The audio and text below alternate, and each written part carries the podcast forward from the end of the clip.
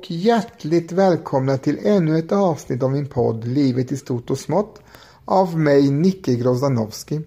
Detta är avsnitt 154 och återigen ska vi bege oss till medeltidens brittiska öarna och stifta bekantskap med Edvard III av England. Han föddes den 13 november 1312, dog den 21 juni 1377 Kung blev han av England från 1327. Son till Edvard II, farfar till Rikard II och Henrik IV, gifte sig 1328 med Filippa av Honeyhout. Edvard III var en av de mest framgångsrika medeltida engelska kungarna. Hans 50-åriga regeringstid inleddes då hans far Edvard II avsattes den 25 januari 1327 och varade fram till 1377. Bland hans närmaste föregångare hade bara Henrik III regerat så länge och det skulle komma att dröja över 400 år innan en annan monark skulle sitta på tronen så länge. Edvards regeringstid kännetecknas av en expansion av Englands territorium genom krig i Skottland och i Frankrike Edvards börd och avkomma bäddade för två långa betydelsefulla händelser i brittisk och europeisk historia, nämligen hundraårskriget respektive rosornas krig. Edvard, son till Edvard II av England och Isabella av Frankrike, dotter till Filip den sköne, föddes i Windsor Castle 1312. 1320 blev han Earl of Chester. 1325 överlät fadern hertigdömet Akvitanien till honom och den unge Edvard sändes till Frankrike tillsammans med modern för att träffa sin morbror, den franske kungen Karl IV. Den mäktiga drottningen och hennes älskare Roger Mortimer tvingade vid återkomsten den svage och impopuläre Edvard II att abdikera och gjorde sonen till kung 1327. Edvard II mördades sedan och Isabella och Roger Mortimer styrde England under den unge kungens första år på tronen.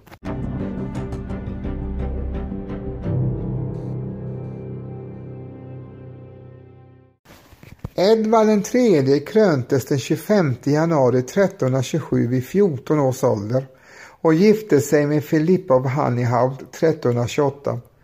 Paret fick så småningom 13 barn varav fem söner nådde vuxen ålder. Deras äldste son och Edvards arvtagare, Edvard den svarte prinsen, föddes 1330 och skulle komma att bli en berömd befälhavare. Samma år som Edvard och Filippa gifte sig dog morbrodern Karl IV utan manliga arvingar. Han efterlämnade en gravid änka och gjorde därmed Edvard genom modern Isabella den äldsta överlevande manliga arvtagaren till Filip IV. Karl och Isabellas far och därigenom möjligheten att ärva den franska tronen. Edvards yngre bror John, Earl of Cornwall, var den andra enda överlevande manliga ättlingen till Filip IV. Senare fick Ludvig X och Filip Vs döttrar manlig avkomma såsom kung Karl II av Navarra, hertig Filip av Burgund och greve Ludvig av Flandern. 1330 tog den 18-årige Edvard över det engelska hovet genom att avsätta Isabella och avrätta Mortimer. Edvard IIIs regeringstid kännetecknas av ett fortsatt krig med Skottland, men ännu mer av krig med Frankrike.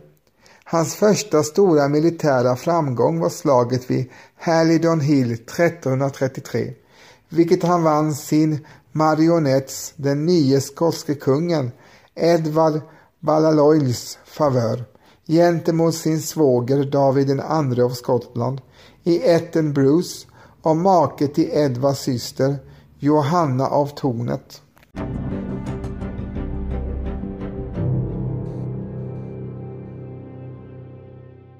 Edvards anspråk att ena de engelska och franska tronerna motsattes av den franska adeln som åberopar den salisiska lagens arvsföljd, vilket säger att kunglig tronföljd inte kan ske genom spinnsidan såsom Edvards mor Isabella eller Johanna av Navarra och menade att den legitime tronföljaren var Filip den sjätte. Edvards kusin och arvtagare till Charles av Valois, en yngre son till Filip den tredje. Edvard förklarade krig mot Filip den sjätte 1337 och utropade sig som kung av Frankrike 26 januari 1340. Det här var början till den konflikt som skulle komma att bli känd som hundraårskriget och som fortsatte sporadiskt fram till 1450-talet. 1346 besegrade Edvard fransmännen i slaget vid Crequy. Med honom på fälttåget var hans 16-årige son Edvard den svarte prinsen. Slaget vid Crequy utspelades under hundraårskriget mellan England och Frankrike när Edvard III invaderade Normandie i Frankrike under sommaren 1346 för att möta Filip VI i strid och göra slut på kriget. Den 26 augusti mötte han Filips mycket större armé norr om Paris vid Crécy det blev den första stora sammandrabbningen mellan de två länderna under kriget. Den engelska armén om 12 000 man intog starka defensiva ställningar uppe på en mindre kulle och när de franska armén kom fram insisterade den franska adelsmännen på ett omedelbart anfall trots att deras kung Filip VI var emot det och trots att de inte var utvilade. Den enorma franska armén som vida översteg engelsmännen numerärt gick således omedelbart till attack. De genuisiska armbågsskyttarna gick i första ledet tätt följda av Frankrikes hela stolthet, de adliga beridna tunga ryttarna. Det kraftiga engelska pilregnet skar helt ner de genuisiska armbågsskyttarna som inte ens hann svara eftersom deras armborst inte hade lika stor räckvidd som de engelska långbågarna. Och när genuiserna försökte fly blev de helt sonika nedhuggna av de efterföljande franska riddarna som såg flykt som feghet. De franska riddarna gick därefter till samlat anfall rakt in i det engelska pilregnet. Edvard den tredje förde fram sitt infanteri medan långbågarna fortsatte skjuta. Riddarna försökte sig på 16 anfall, vart och ett av dem lika katastrofalt. Riddarna föll i högar och hindrade bakomvarande linje att komma fram och slaget utvecklades till en formidabel masslakt. Dessutom strilade regn ner och gjorde marken till en enda lervälling. Kung Filip själv sårades i striderna och tvingades lämna fältet. Men vid det här laget var striden redan över och hade slutat med ett synnerligen förnedrande nederlag för fransmännen och en avgörande seger för engelsmännen. I slaget vid Crécy demonstrerades engelsmännens militära överlägsenhet grundad på tilliten till ett professionellt infanteri beväpnad med långbågar och lansar, vilket överträffade den tungt beväpnade riddaren till häst. Hämmad av sin tunga rustning var de avsuttna engelska riddarna oförmögna att aktivt delta i striden och var för sin säkerhet beroende av de obepansrade långbågsskyttarnas försvarsförmåga. De avsuttna riddarnas betydelse för stridens utgång var främst moralisk. Även om franska kungahuset var skakat av denna lysande engelska seger ledde det inte till rikets sammanbrott eller något avgörande av kriget, delvis på grund av att pesten drabbade landet 1348 och gav ett andrum i striderna. Segern vid Crécy möjliggjorde närmast för engelsmän att återuppta belägringen av det viktiga Calais. Ett projekt som de redan under de första krigsåren hade försökt sig på. Efter elva månaders motstånd föll staden för att sedan i över 200 år stanna under England. Därpå träffades åter överenskommelse om vapenstillestånd varvid engelsmännen behöll övertaget. Även över havet sträckte sig verkningarna av den engelska segern. Skottarna som begagnat sig av det nya krigsutbrottet till en förnyad frammarsch mot söder blev tillbakaslagna och kung David själv råkade i fångenskap.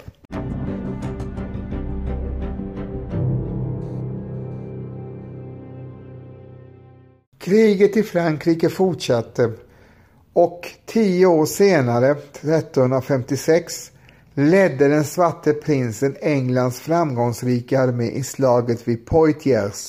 Slaget vid Poitiers utkämpades den 19 september 1356 under hundraårskriget mellan Frankrike och England.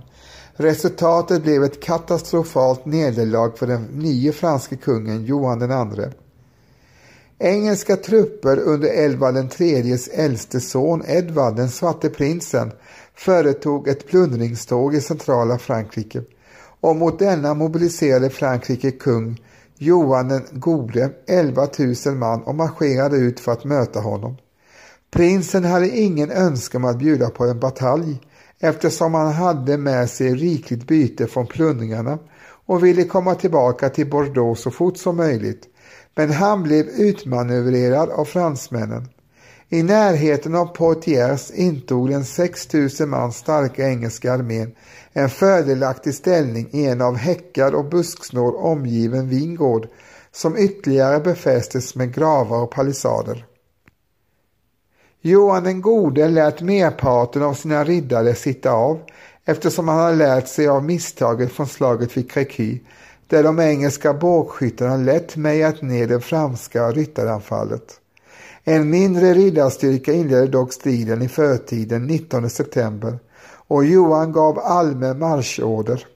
De franska trupperna var ordnade på tre stora divisioner och var och en av dem tog hårt stryk av de engelska pilarna.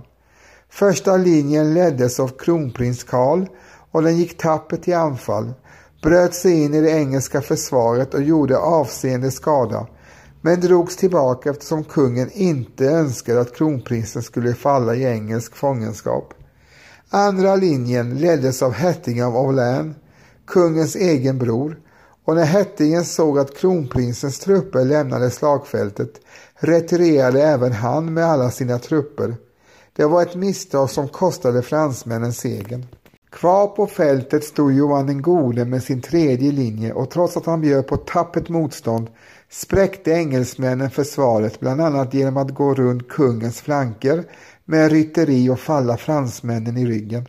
Kungen själv kämpade in i det sista med sina närmaste män men saken var förlorad och han kapitulerade för en engelsk-fransk adelsman och togs till fånga. På grund av att den svarte prinsens här var för svag för att han skulle kunna dra någon som helst fördel av sin lysande seger drog han sig tillbaka till Bordeaux med rikt byte.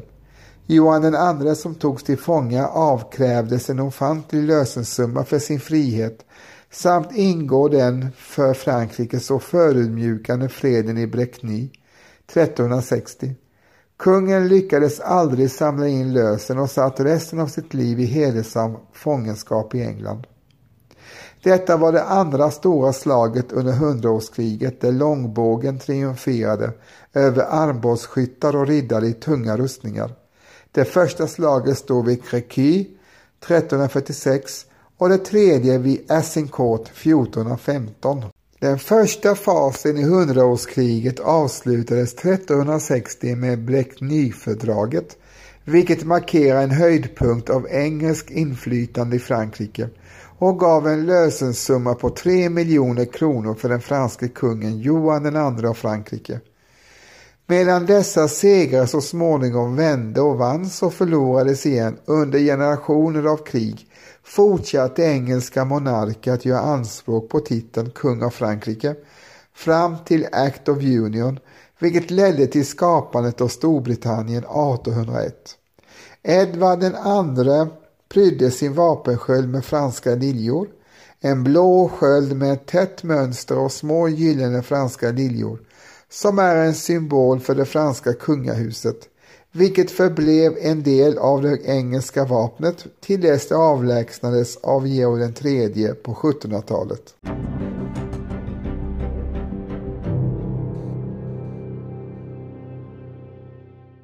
Medan kungen och prinsen krigade utomlands låg styret av riket i händerna på prinsens yngre bror, John of Gaunt, Ekonomisk tillväxt från den växande ullhandeln gav nya intäkter till riket. Men utbrott av böldpest, digerdöden, påverkade undersåtarnas liv markant. Handelsskatter blev en stor kunglig inkomst. då det tidigare kommit främst från skatt på landegendomar. Parlamentet delades upp i överhus och underhus. Under Edvards regeringstid var franska det språk som användes av adeln sedan den normandiska erövringen, men detta förändrades sen. Kungen grundade även riddarorden, Strumpebandsorden. Det sades att det var efter en incident då han dansade med en dam på en hovbal och hon tappade ett intimt klädesplagg. Han plockade upp klädesplagget galant och för att mildra hennes skam knöt han det runt sitt eget ben och påpekade Honi soit qui mal jupens, skam den som tycker illa därom, vilket kom att bli strumpebandsårens motto. Kvinnan i fråga endast känd som grevinnan av Salisbury. Somliga menar att det var Edvards svärsdotter Johanna av Kent, men en mer trolig kandidat är Johannas svärmor. Trots ett ovanligt lyckligt äktenskap och att han fick 13 barn med Filippa var Edvard en notorisk kvinnotjusare. Efter Filippas död 1369 blev Edvards älskarinna Alice Perez namn synonymt med korruption.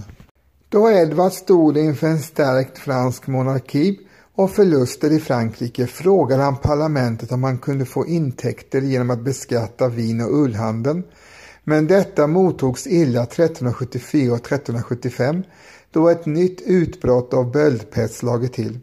Det goda parlamentet 1376 kritiserade Edvards rådgivare, däribland Ali Perrys familj, och rådde honom att rätta mun efter matsäcken.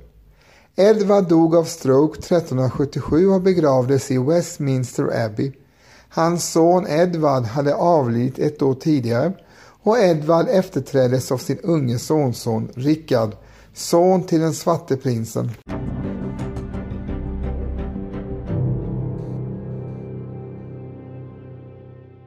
Rosornas krig var ett inbördeskrig om den engelska tronen som utkämpades mellan ättlingarna till Edvard II genom de fem sönerna. Varje gren av familjen hade motstridiga anspråk grundade på släktskapets rang, legitimitet och eller könet på deras förförfäder. Edvard den svarta prinsen föddes 1330 och dog 1376. Han var hertig av Cornwall och prins av Wales. Edvard den tredjes äldste son som dog före fadern blev aldrig kung.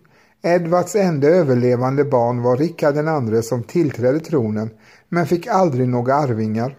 Han utsåg sin kusins son Roger Mortimer som var äldsta manliga barnbarn till Lionel av Antwerpen till tronarvinge men denne dog före Rikard och Rogers son i sin tur kom aldrig i fråga då Rikard den andre avsattes och efterträddes av en annan av sina kusiner, Henrik den fjärde, även kallad för Henrik Bolingbroke, som var den äldsta på svärdsidan.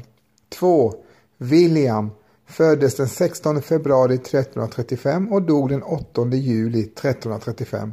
Han är begraven i katedralen av York. 3. Lionel av Antwerpen 1338 till 1368.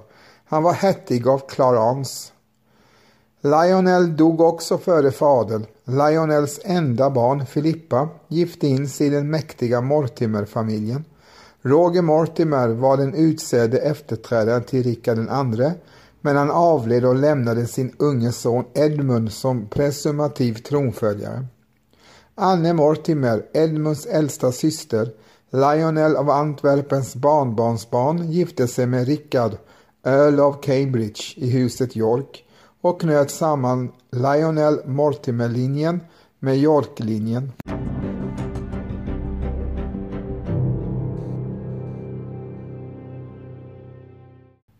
Fyra.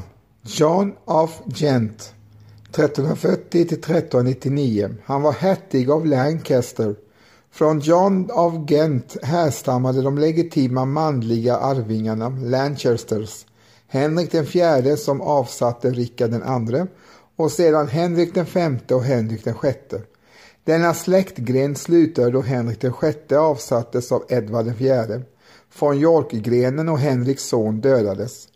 Lancaster-kungarna härstammade även genom John av Gents hustru Blanche från Edmund Krokrygg, son till Henrik III av England.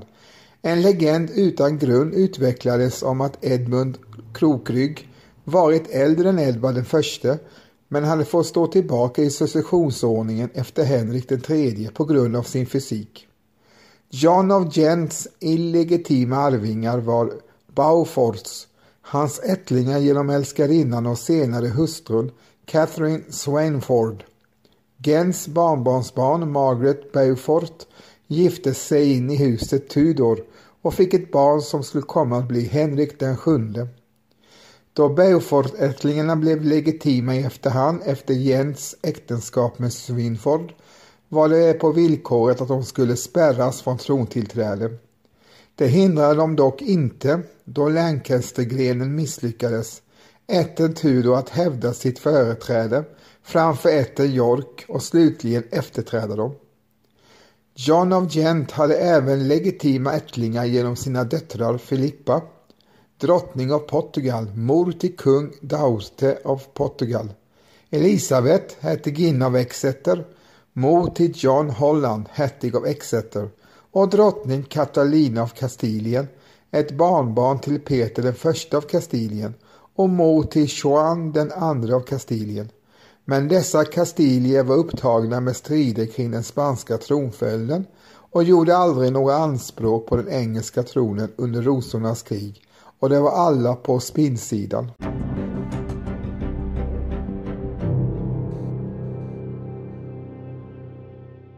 Fem. Edmund av Langley, född 1341, död 1402, hertig av York.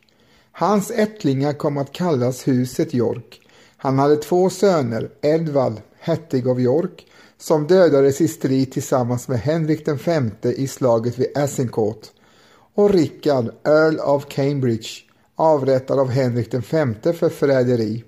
Som nämnts ovan gifte sig Rickard med Anne Mortimer, vilket gav deras son och huset York genom Lionel av Antwerpen ett företrädande anspråk framför de båda Lancasters som härstammade från en yngre son än Lionel och Tudors vars legitimerande Beaufort-ättlingar hade spärrats från tronen. 6. Thomas föddes 1347, dog samma år. 7. William of Windsor 24 juni 1348, död 5 september 1348. 8. Thomas of Woodstock föddes 1355 och dog 1397, hertig av Gloucester. Thomas, som var en av Lords Appellant som var den mest betydelsefulla under Rikard II, mördades eller avrättades för förräderi, troligtvis på Rikard IIs order. Hans arvinge var dottern Anne som gifte in sig i familjen Strafford, vars ättlingar blev hertigar av Buckingham. Henrik Stafford som härstammade på faderns sida från Thomas av Woodstock och på moderns sida från John Beaufort gjorde uppror mot Rikard III 1483 men misslyckades att avsätta honom.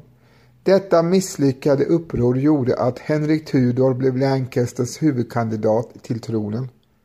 Huvudlinjen av plantagelinjen avslutades med Rikard IIs död men inte innan avrättningen av Thomas av Woodstock för förräderiet. De presumativa arvtagarna genom Lionel av Antwerpen förbegicks av den mäktige Henrik den fjärde, ättling till Edvard III genom John av Gent. Dessa Lancasterkungar klarade förräderiet av sina Edmund of Langley, kusiner, men avsattes så småningom i den sammanslagna Lionel Edmund-släktlinjen i form av Edvard IV. Det förödande dödandet av Yorksläktingar emellan lämnade Rikard III som kung.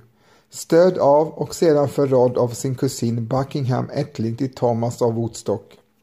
Slutligen fick ätten York ge vika för den återstående Lancaster-kandidaten Henrik VII i huset Tudor som var ytterligare en ättling till John of Gent och som gifte sig med den äldsta dottern till Yorkkungen Edvard den fjärde.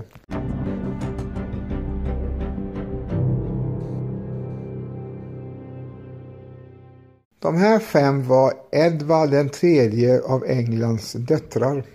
Nummer 1. Isabella Plantagen föddes 1332, död 1382 och var gift med Enguerrand den sjunde de Coquille, Earl of Bedford. 2. Johan Plantagen 1335 till 1348 dog av pest i Bordeaux, Frankrike på väg att gifta sig med Peter den första av Kastilien. 3. Blanche Plantagen 1342 död samma år. 4. Mary Plantagen 1344 till 1362 gift med Johan den femte av Bretagne. Och 5. Margaret Plantagen 1346 till 1361 gift med John Hastings, Earl of Pembroke.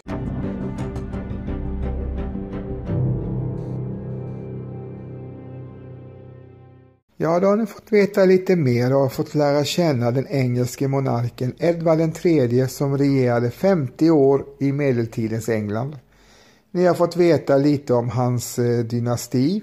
Ni har fått veta lite mer om startandet av hundraårskriget mot Frankrike och vara med om olika slag där. Och ni har varit med om att eh, få veta lite om begynnelsen till rosornas krig, inbördeskriget under senmedeltiden i England. Jag hoppas att ni har uppskattat avsnittet. I avsnittets början fick ni höra Carl Michael Bellman och hans Fjäril Vingar syns på Haga, även kallad för Fredmans sång nummer 64. Och som avslutning får ni höra gruppen Gotthard med Par Deus. Min podd utkommer två gånger i veckan, nämligen onsdagar och lördagar med bonusavsnitt lite då och då, så håll utkik. Och med detta vill jag tacka dig som har lyssnat på avsnittet. Var rädda om er och hjärtligt välkomna tillbaka till Livet i stort och smått. Och eh, kika gärna in på de tidigare släppta avsnitten. Tack så mycket för att ni lyssnade. Var rädda om er. Hej då!